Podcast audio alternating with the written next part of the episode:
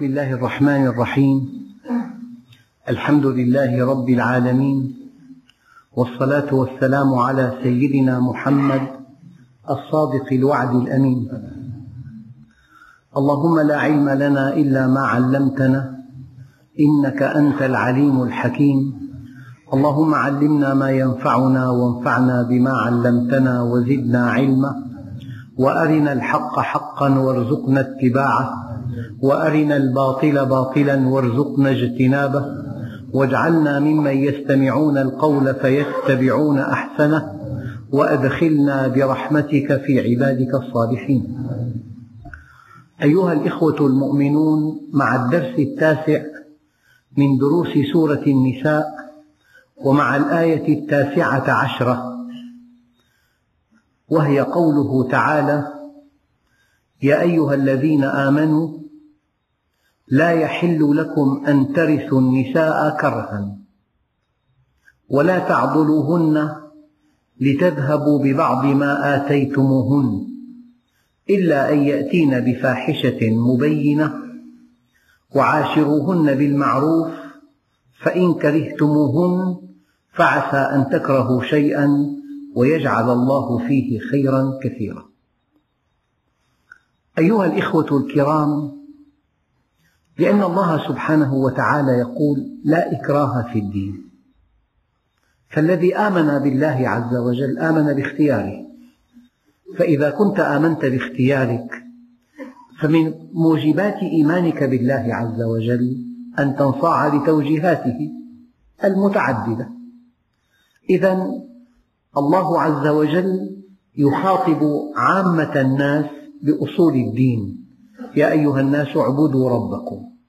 أما إذا خاطب المؤمنين فكأن بين المؤمن وبين ربه عقدا إيمانيا.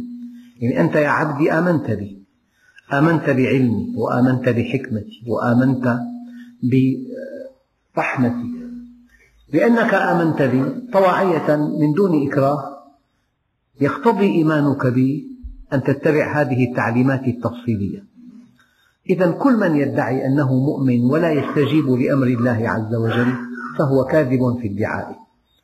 يا أيها الذين آمنوا استجيبوا لله وللرسول إذا دعاكم لما يحييكم. الاستجابة لأمر الله جزء من إيمانك. لذلك الأحكام التفصيلية والتوجيهات الجزئية في القرآن الكريم تتصدرها العبارة يا أيها الذين آمنوا. فالله عز وجل بعد أن بين لنا الشيء الذي يحل أن نورثه. هناك مورث وهناك وارث وهناك موروث. بعد أن بين لنا من قبل في هذه السورة بالذات الأموال التي يمكن أن تورث. وكيف أن الله سبحانه وتعالى تولى بنفسه توزيع هذا الإرث لئلا تدخل الاعتبارات الاجتماعية؟ هذا حق الله عز وجل.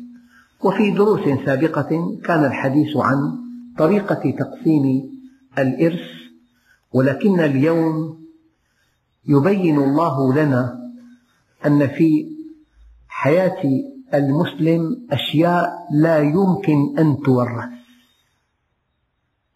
لأنه في الجاهلية كانت الزوجة تورث وكأنها متاع. فالورثة يتزوجونها بلا مهر لأنها جزء من الميراث كغرفة النوم. أو يزوجونها لمن يريدون ويأخذون المهر أو يعضلونها كي تفتدي نفسها بكل شيء.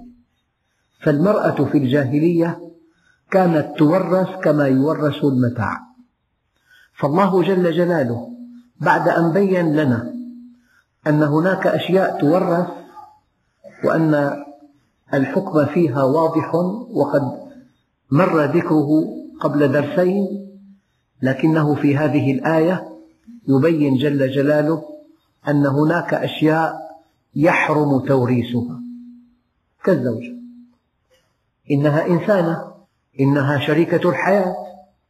فإذا أمضت عدتها لها الحق أن تتزوج وأن يختارها من يشاء وأن يدفع مهرها لها. يقول الله عز وجل يا أيها الذين آمنوا لا يحل لكم أن ترثوا النساء كرها. طبعا المرأة مقهورة. هي جزء من متاع البيت.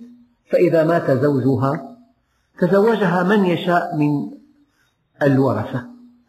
أو زوجوها وقرضوا ثمنها أو أعضلوها ومنعوا زواجها كي تفتدي بنفسها. هذا حكم محرم في الإسلام. لأن المرأة كما تعلمون مساوية للرجل تماما في التكليف والتشريف والمسؤولية. لكن إذا قال الله عز وجل وليس الذكر كالأنثى فلأن خصائص المرأة العقلية والجسمية والنفسية والاجتماعية تتناسب مع المهمة التي أنيطت بها كما أن خصائص الرجل العقلية والجسمية والاجتماعية والنفسية منوطة أو متناسبة مع المهمة التي أنيطت به. فالمرأة والرجل يتكاملان ولا يتشابهان. يتكاملان ولا يتشابهان. وحينما اختلطت الأوراق في العصور الحديثة وفي مجتمع التفلت والكفر كان هناك من الأخطار ومن أسباب انهيار المجتمعات ما لا سبيل إلى وصفه. يا أيها الذين آمنوا لا يحل لكم أن ترثوا النساء كرها. المرأة إنسانة مكرمة مشرفة مكلفة شريكة حياة الرجل فإذا مات زوجها لها الحق بعد أن تمضي عدتها أن تتزوج من تشاء. ولكل من سمع بها أن يخطبها إذا شاء وتأخذ مهرها بيدها. أيها الإخوة في بعض الحضارات الشرقية ينبغي أن تحرق مع زوجها. إذا مات زوجها ينبغي أن تحرق معه. وهذا ظلم شديد. جاهلية العرب فيها ظلم شديد. وحضارة أو ثقافة أقول ثقافة لا حضارة وثقافة الشعوب في بعض البلاد الشرقية تقضي أن تحرق المرأة مع زوجها الميت. هذا ظلم شديد وذاك ظلم شديد بينما وحي السماء يعطي كل ذي حق حقه. الآن هناك حكم شرعي آخر. قال ولا تعضلوهن لتذهبوا ببعض ما آتيتموهن. الحكم الأول المرأة لا يمكن أن تورث. إنها إنسانة في أعلى درجات الكرامة والإنسانية. أمرها بيدها. بينما لا يمكن أن يتم عقد زواج إلا أن تسأل الفتاة وأن يأخذ القاضي موافقتها وإلا لا ينعقد العقد. وأنتم ترون حينما تحضرون عقود قران لا بد لكاتب المحكمة من أن يذهب ليستمع إقرار الفتاة بأذنه أنها قبلت هذا الزواج من هذا الشاب على هذا المهر. الآن في عنا حكم آخر هو أن الزوج أحيانا يمنع زوجته من أن يطلقها لا يطلقها إضرارا بها كي تفتدي نفسها بكل ما أعطته. وهذا محرم أشد التحريم العضل المنع.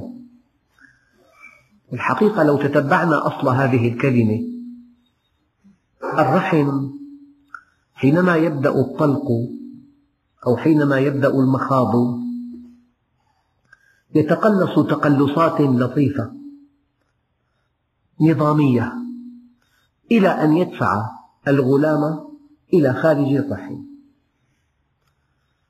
وبعد هذه التقلصات المتزامنة اللطيفة ينقبض الرحم انقباضا شديدا وكأنه صخر.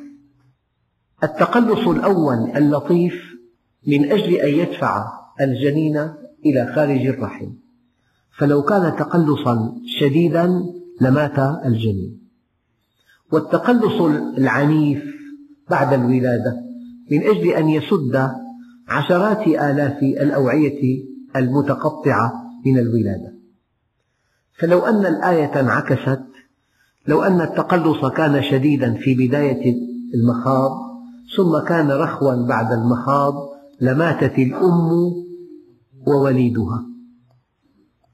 إذا قال تعالى ثم السبيل يسر لكن أحيانا وكلمة أحيانا أقصد بها حقيقة توحيدية الرحم ينقبض ولا يسمح للجنين أن يخرج. نقول عضل الرحم. إذا لا بد من عملية قيصرية. لا بد من إخراج الجنين من خاصرة أمه. لو أن الله جل جلاله جعل الأسباب مترافقة مع النتائج إلى أبد الآبدين. لما عرفنا الله. ولكانت الأسباب والنتائج شيئا تافها عندنا لأنها رتيبة. لكن مع أن هذا الجسم مبني على نظام دقيق دقيق لكن ما كل سبب في الجسم يفضي إلى نتيجة. وما كل نتيجة لها سبب. فكأن الله جعل الأسباب نظاما للكون كي تنتظم حياتنا بل جعل في الأعم الأغلب أن هذه الأسباب مترافقة مع النتائج. لكن أحيانا هذا الرحم لا يدفع الجنين إلى خارجه. صار في عضل. العضل أن عضلة الرحم كفت عن التقلص. لا بد من عملية قيصرية إذا هؤلاء الذين عبدوا الأسباب والنتائج تخيب آمالهم أحيانا. وقد نستفيد من هذا في معركتنا مع العدو. الكفار أخذوا بكل, بكل الأسباب. لكن أحيانا يفاجؤون بمعطيات لم تكن في حسبانهم أبدا. أين أسبابهم؟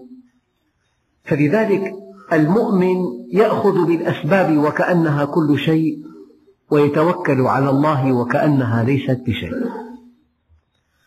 الفرق الكبير بين الغرب المشرك والشرق العاصي أن الغرب المشرك أخذ بالأسباب أيما أخذ. واعتمد عليها وألهها. فأتاه الله من حيث لا يحتسب. والشرق لم يأخذ بها. كسلا وجهلا وتهاونا فوقع في المعصية. إذا الرحم مع أن له نظاما دقيقا جدا هو أنه في بدء المخاض يتقلص لكن أحيانا لا يتقلص. من أجل أن تكون متعلقا لا بالأسباب بل بمسبب الأسباب.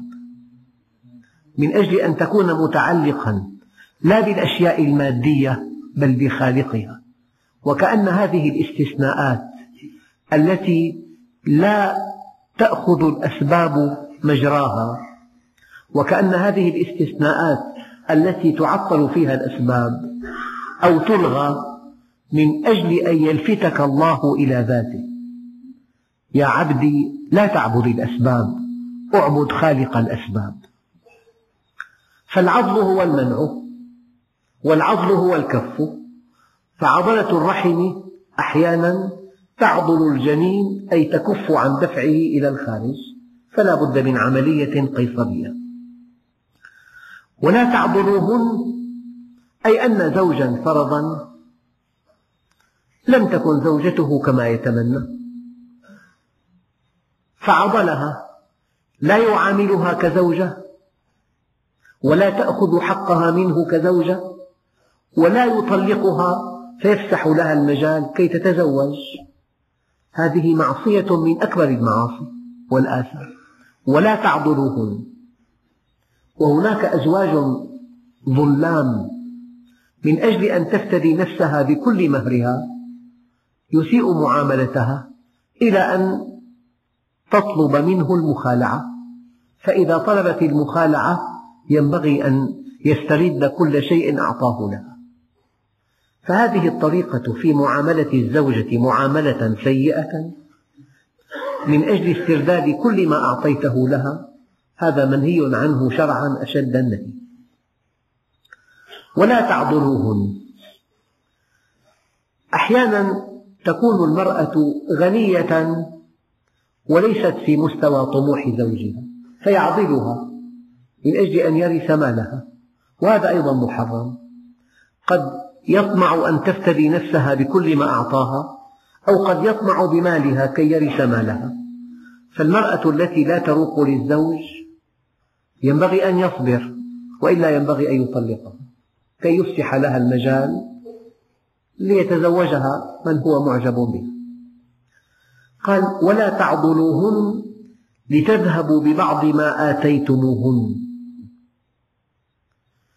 قال إلا أن يأتين بفاحشة مبينة. العلماء قالوا الفاحشة المبينة هي الزنا. طبعا هذا قول من أقوالهم. المرأة إذا زنت قد تخسر كل مهرها ويحق للزوج أن يكرهها على الطلاق بعد أن تفتدي نفسها منه بكل ما أعطاها لأنها خانت الأمانة. بعضهم قال الفاحشة النشوز أن تستعصي على أمر زوجها ألا تطيعه. وكما تعلمون أن دين المرأة من أربع فقرات إذا صلت خمسها وصامت شهرها وحفظت نفسها وأطاعت زوجها دخلت جنة ربها. يعني ربع دين المرأة طاعتها لزوجها. فالزوجة التي نشزت أي خرجت عن طاعة زوجها. هذه أيضا لا تستحق مهرها. والزوجة التي هي سيئة المعاملة. لسانها سليط عليه. لا تقيم له وزنا. تتطاول عليه لا تعتني به تهمل واجباته. هذا أيضا من الفاحشة. في بعض التفاسير هناك أقوال ثلاث في الفاحشة. نشوز الزوجة أو وقوعها بالفاحشة أو معاملتها السيئة. والذي تحته امرأة سيئة لا يرجو صلاحا لها. ويبقيها تحته لا يستجاب دعاؤه. من أروع ما في تفصيل هذا الحديث وهو صحيح يعني لو أنك في ضائقة وقال لك خبير اخرج من هنا فرفضت أن تخرج ثم قال لك ماذا أفعل؟ أنت لك الحق أن تمتنع عن إعطائه توجيها معينا أنا ذكرت لك أن تخرج من هنا. فإن لم تستجب لتوجيهي إذا لن أستجيب دعاءك فهذا الذي تحته امرأة سيئة. لا تطيع الله ولا تطيعه ولا تقوم برعاية زوجها وأولادها. وهي سليطة اللسان متكبرة لا يرضيها شيء ولا ترضى عن شيء. وتسأل زوجها الطلاق من غير بأس. فإذا خرجت اشتكت على زوجها هذه امرأة ليست مؤهلة أن تكون زوجة لمؤمن ينبغي أن يطلقها لأنها أم أولاده لأنها سوف تربي بناته تربية خاطئة سوف تربي أبناءه تربية خاطئة. فالفاحشة عند بعض المفسرين والقرطبي في هذه المناسبة من كبار المفسرين الذين وجهوا الآيات توجيها فقهيا فالفاحشة هي الزنا والفاحشة هي النشوز عدم طاعة الزوج والفاحشة هي سوء المعاملة. إذا ولا تعضلوهن أن تبقي امرأة. لا تعاملها كزوجة ولا تطلقها كي تفتدي نفسها منك. أن تبقي امرأة غنية تطبع بمالها. لا تطلقها ولا تعاملها كزوجة. هذا هو العضل طبعا في معنى فرعي ليس في هذه السورة حينما قال الله عز وجل ولا تكرهوا فتياتكم على البغاء. إن أردنا تحصنا. يعني إنسان يتوهم أن هذه البنت ينبغي أن تبقى لخدمته فيقيم العقبات أمام زواجها لأنانية ولضيق أفق. هذا أيضا محرم. لذلك الله عز وجل يوجه الخطاب للمؤمنين ولا تكرهوا فتياتكم على البغاء. لا يعقل ولا بالمليار واحد أن مؤمنا يكره ابنته على فعل الفاحشة. إلا أنك إذا عضلتها وكلما جاء الخاطب وضعت العراقيل ووقعت العقبات وسألت عن بيته فلم يعجبك مدخل بيته مثلا؟ ولم يعجبك دخله ووزنته بدخلك وأنت في الستين؟ فمثل هذا الأب يرتكب خطأ كبيرا جدا حينما يعضل ابنته وكأنه بهذا العضل يدفعها إلى المعصية. ولا تكرهوا فتياتكم على البغاء إن أردنا تحصنا. أيها الإخوة إلا أن يأتين بفاحشة مبينة. قال العلماء يجوز أن تسترد الذي أعطيتها إذا أتت بفاحشة. أو إذا نشزت أو إذا عصت. ومن هنا شرع الخلع أحيانا. ثم يقول الله عز وجل وعاشروهن بالمعروف والحقيقة أن الله سبحانه وتعالى حينما قال ومن آياته خلق السماوات والأرض ومن آياته الليل والنهار ومن آياته الشمس والقمر ومن آياته أن خلق لكم من أنفسكم أزواجا لتسكنوا إليها وجعل بينكم مودة ورحمة. الأصل في العلاقة الزوجية المودة. والمودة سلوك أساسه الحب. فحينما تكون الزوجة وفق طموح زوجها وحينما يكون الزوج وفق طموح زوجته ينشأ بينهما الحب. والحب يعبر عنه بالود فمن كلمة طيبة إلى ابتسامة إلى خدمة إلى صبر إلى مؤاثرة إلى تضحية إلى ما لا نهاية له من علاقة الود بين الزوجين. ولكن لو أن المصلحة انقطعت بين الزوجين أصيبت الزوجة بمرض عضال أو أن الزوج افتقر فانقطعت المصلحة بينهما. ماذا يبقى؟ الرحمة. ومن آياته أن خلق لكم من أنفسكم أزواجا لتسكنوا إليها وجعل بينكم مودة ورحمة. فهذا البيت بني ليبقى. فإما أن يبقى على الحب والود وإما أن يبقى على الرحمة. فلذلك جاءت الآية في قوله تعالى وعاشرهن بالمعروف والمعاشرة بالمعروف أوسع بكثير من الود. ما كل بيت يبنى على الحب. لكن الزوج إذا تزوج وله أولاد من زوجته. مستقبل الأولاد فوق كل شيء. بل إن العلاقة بينه وبين زوجته ليست ملكا لهما بل هي ملك أولادهما. فالزوج العاقل والزوجة العاقلة تلغيان موضوع الحب إذا كان هناك أولاد وكانت مصلحة الأولاد الراجحة في بقاء هذه العلاقة الزوجية. إذا جاءت الآية وعاشروهن بالمعروف. وقد قال العلماء ليست المعاشرة بالمعروف أن تمتنع عن إيقاع الأذى بها بل أن تحتمل الأذى منها.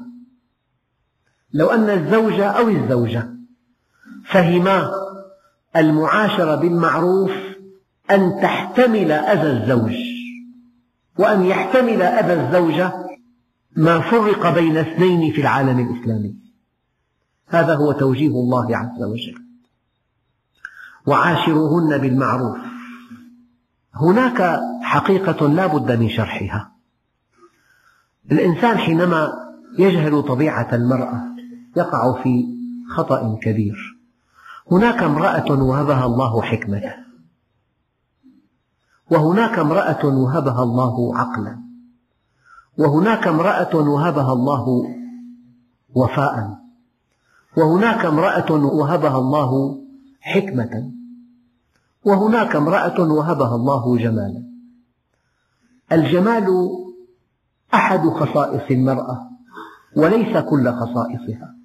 فالإنسان حينما يتضجر من عيب في زوجته ينبغي ألا ينسى النواحي الأخرى التي امتازت بها فما كل شيء في المرأة هي شكلها؟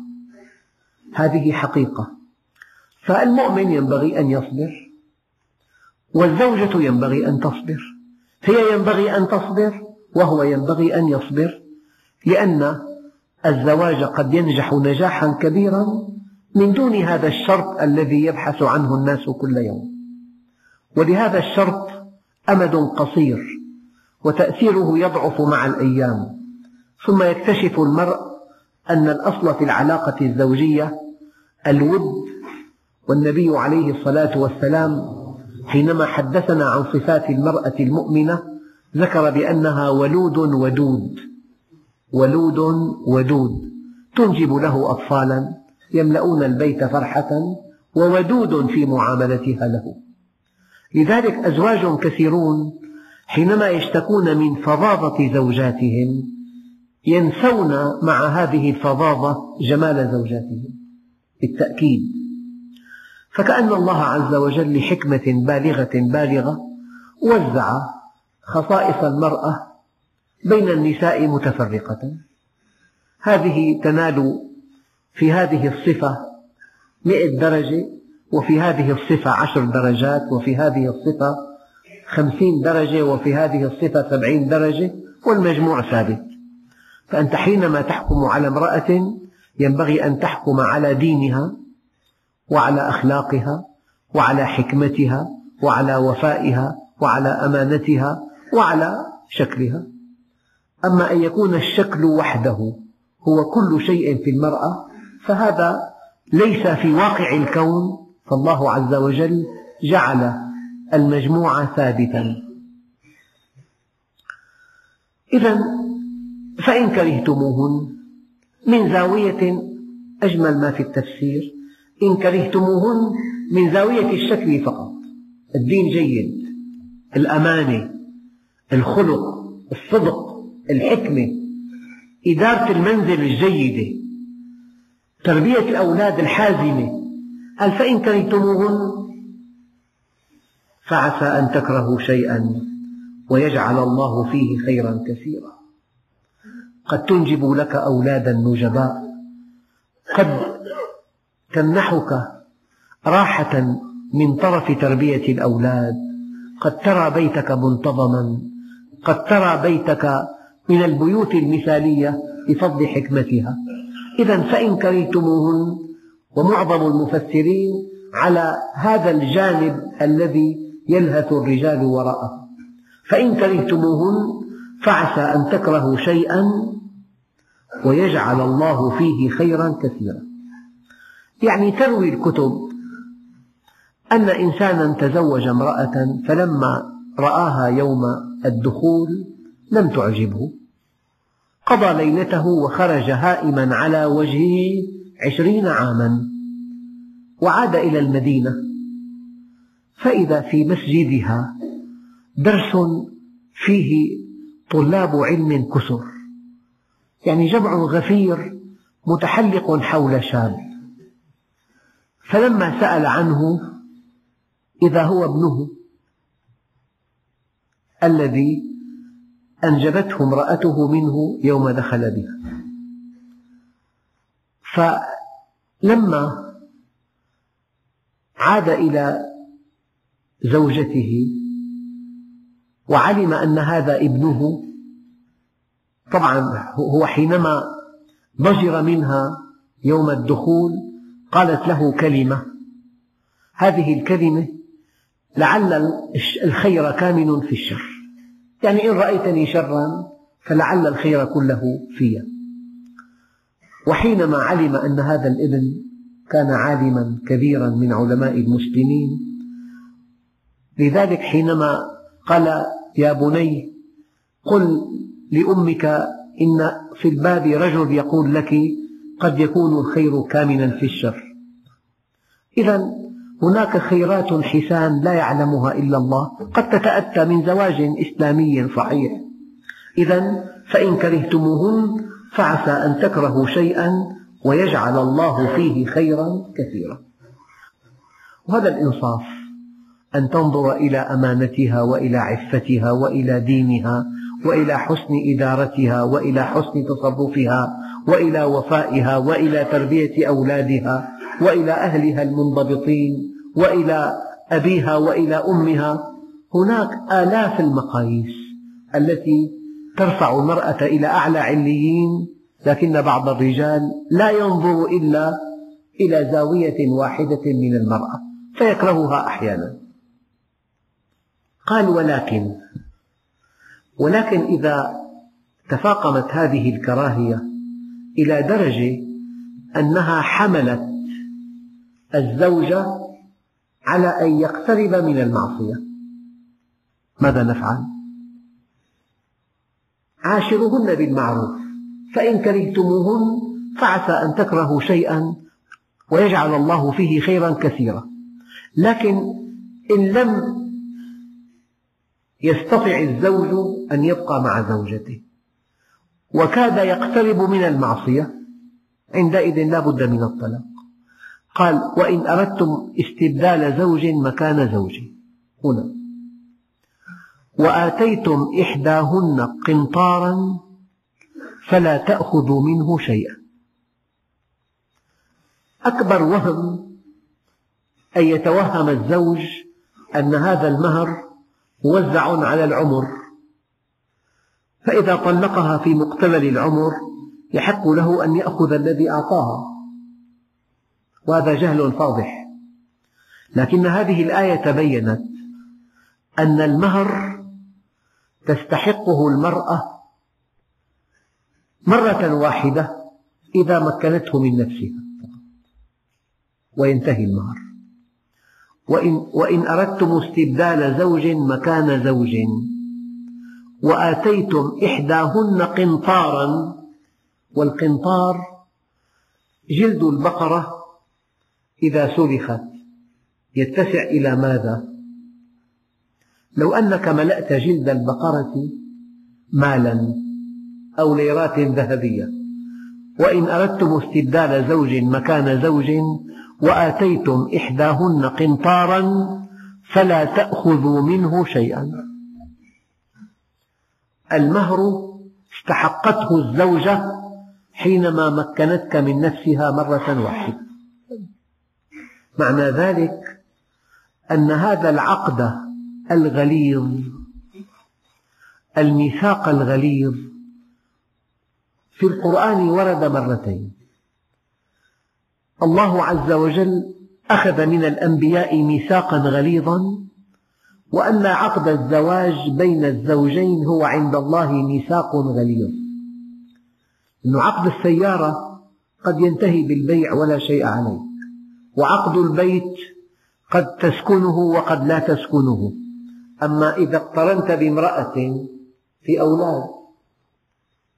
هذا الابن هذا أبوه وهذه أمه. من يعاني هذه المشكلة؟ الذي سافر إلى بلاد الغرب وفي لحظة طائشة تزوج امرأة هناك ابنه منها. هي في واد وهو في واد. لأن أقدس عهد في الأرض بعد عهد الأنبياء هو عهد الزواج. وكيف تأخذون هذا المهر؟ وقد أفضى بعضكم إلى بعض. يعني لا يتاح لا للأب ولا للابن ولا للأخ ولا للأخت ولا لابن الابن ولا لابن الزوجة أن يرى من هذه المرأة ما أبيح للزوج أن يراه منها. امرأة مقدسة. جوهرة مكنونة أبيحت لإنسان.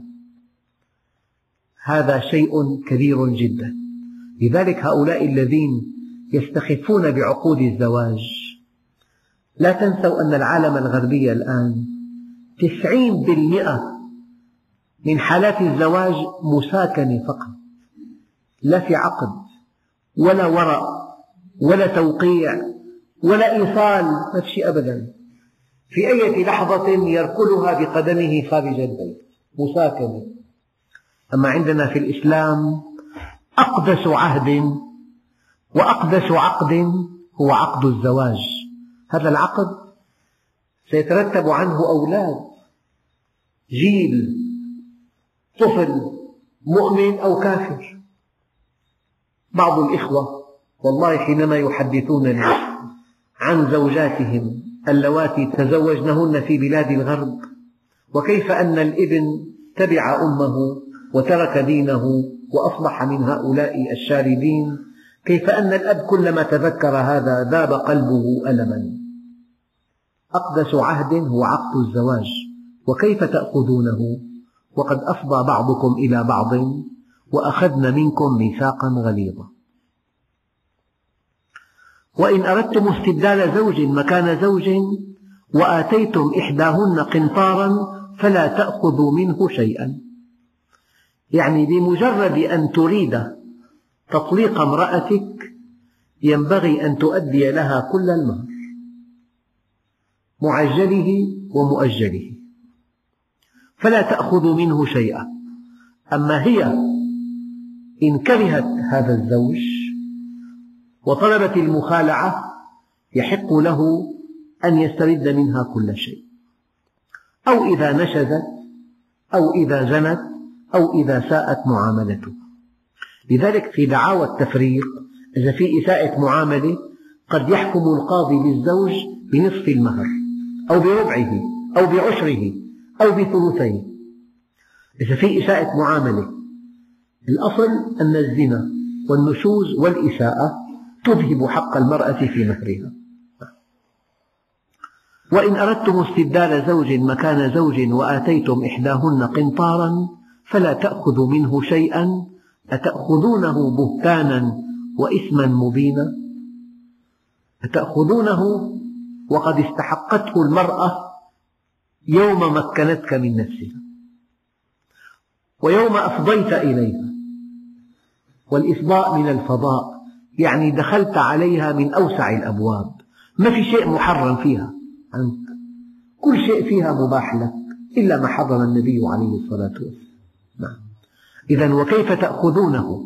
وقد أفضى بعضكم إلى بعض وأخذنا منكم ميثاقا غليظا. والميثاق الغليظ هو عقد الزواج. لذلك الإنسان ينبغي أن يحسن اختيار زوجته لئلا يحتاج إلى تطليقها وفي طلاقها كسر لها لئلا يحتاج إلى تطليقها وفي طلاقها تشريد للأولاد لئلا يحتاج إلى تطليقها وفي طلاقها إضاعة للأولاد. وكيف تأخذونه وقد أفضى بعضكم إلى بعض وأخذن منكم ميثاقا غليظا؟ ولم يرد الميثاق الغليظ إلا مع ميثاق الأنبياء. إذا العالم الإسلامي يتمتع بحصانة للزواج ما بعدها حصانة. لذلك المرأة حينما تطلق ينبغي أن تدخل في العدة. لو أنها في سن اليأس قضية, قضية براءة الرحم ليست واردة. ينبغي أن تمسك العدة ثلاثة قروء حفاظا على قدسية هذا العقد. أما إذا مات عنها زوجها أربعة أشهر وعشرة أيام. يعني شيء مقدس. لا يكون إلا بتمهيد ولا ينتهي إلا بتوابع. وفي درس آخر إن شاء الله نتابع هذه الآيات والحمد لله رب العالمين. أخواننا الكرام في بعض الأسئلة. يعني في أسئلة كثيرة أنه منصوم يوم الاثنين لعل الله يفرج على أخواننا بفلسطين. أنا في عندي رأي دقيق شوي. هي أشياء كلها جزئية. أما إذا ما في عودة إلى الله عز وجل ما في صلح مع الله ما في استقامة على أمر الله ما في رغبة قوية أن نقيم الإسلام في بيوتنا هذه الأشياء الجزئية لا تقدم ولا تؤخر. يعني الله عز وجل يريدنا أن نرجع إليه. ولعل الحكمة الكبيرة من هذه الشدة التي أصابت المسلمين كما ذكرت في الخطبة اليوم أن هذه المحنة الشديدة لعل وراءها منحة إلى الله عز وجل وأن هذه الشدة لعل وراءها شد إلى الله عز وجل. والآن وعسى أن تكرهوا شيئا وهو خير لكم وعسى أن تحبوا شيئا وهو شر لكم والله يعلم وأنتم لا تعلمون. فهذا كبير مجرمي الكيان الصهيوني لعل مهمته عند الله. من دون أن يشعر ومن دون أن يريد أن يوحد المسلمين. وأن يشحذ فيهم البطولة والفداء وأن يدفعهم إلى العطاء. وهذا الذي يحصل. لعل كبير مجرمي الكيان الصهيوني مهمته عند الله أن يحركنا أن نعود إلى قرآننا إلى ديننا إلى سنة نبينا. أن نصحو بعد غفلة أن نقف بعد قعود أن نتحرك بعد سكون أن نتعاون بعد منافسة أن نتسامح بعد العداوة والبغضاء.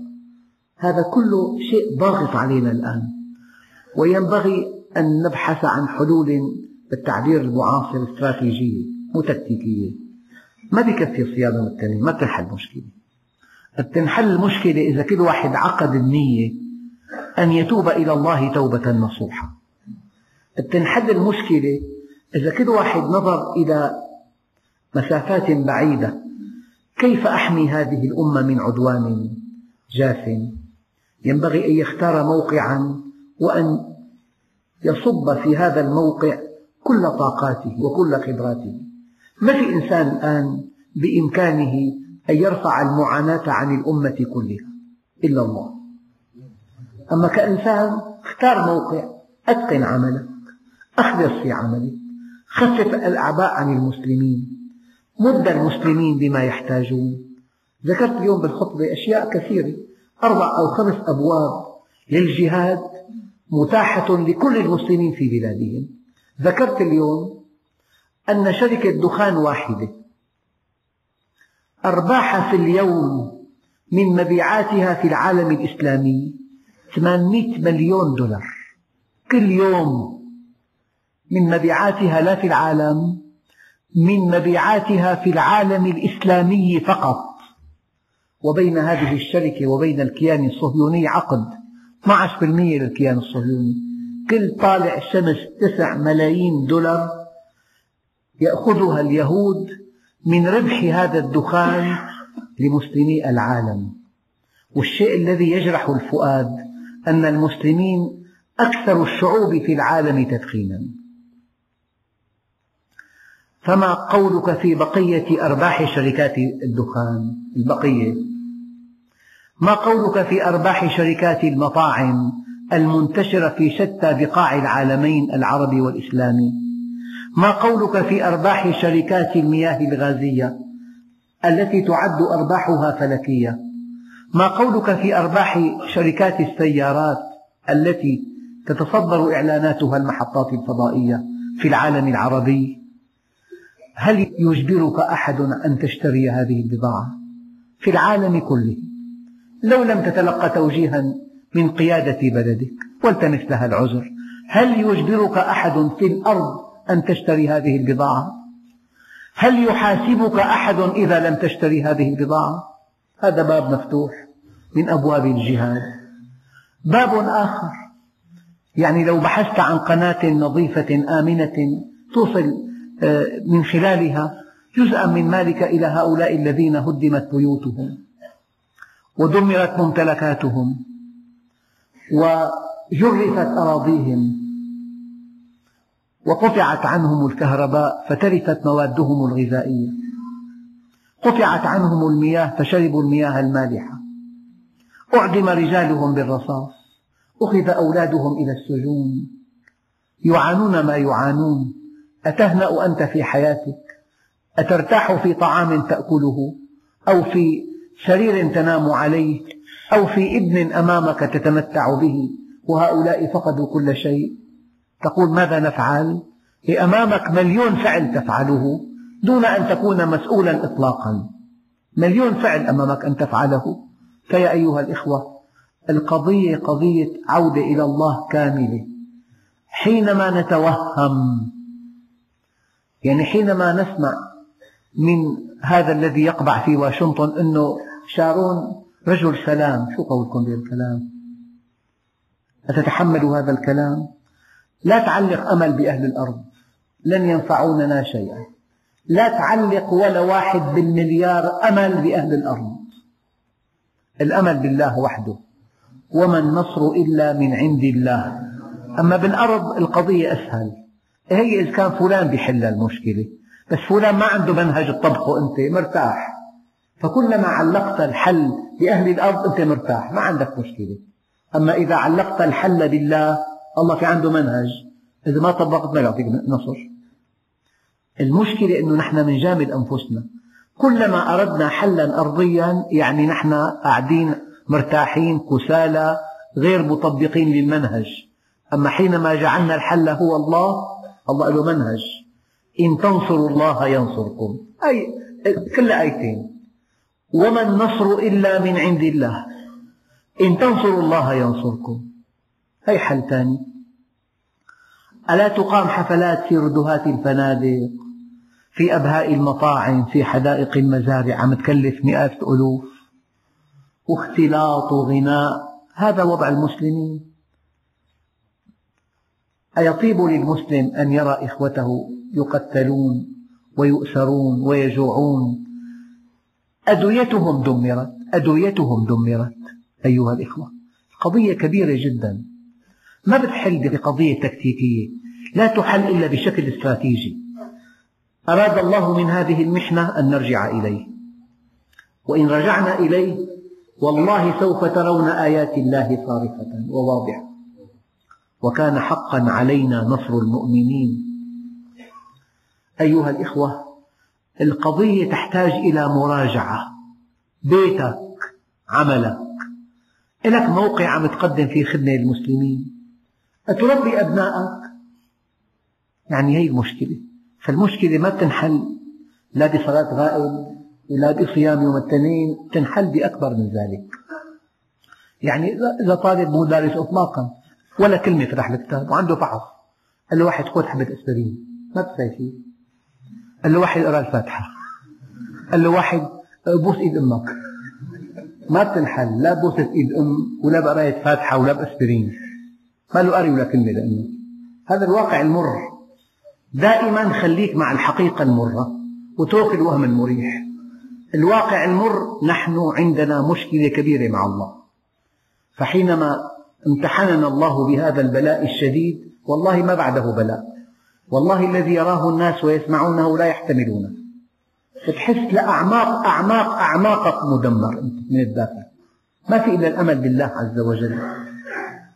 فيا أيها الإخوة كأن الله تخلى عنا وقلت في الدعاء يا رب لا تتخلى عنا ولكن هناك منا من يفعل ما يوجب أن تتخلى عنا هناك منا. يعني هلأ نحن فرحنا بالأمطار. شوف هيك وادي من هون لمنين وطريق الربوة. كم فيه وكم غانية وكم راقصة وكم مغني وكم خمر تدار. بعد ما الله أكرمنا بالمياه. في عنا معاصي كبيرة جدا. صلاح الدين الأيوبي لما حارب أو رب بأكمله ماذا فعل؟ أول ما فعل أزال المنكرات فتح المدارس.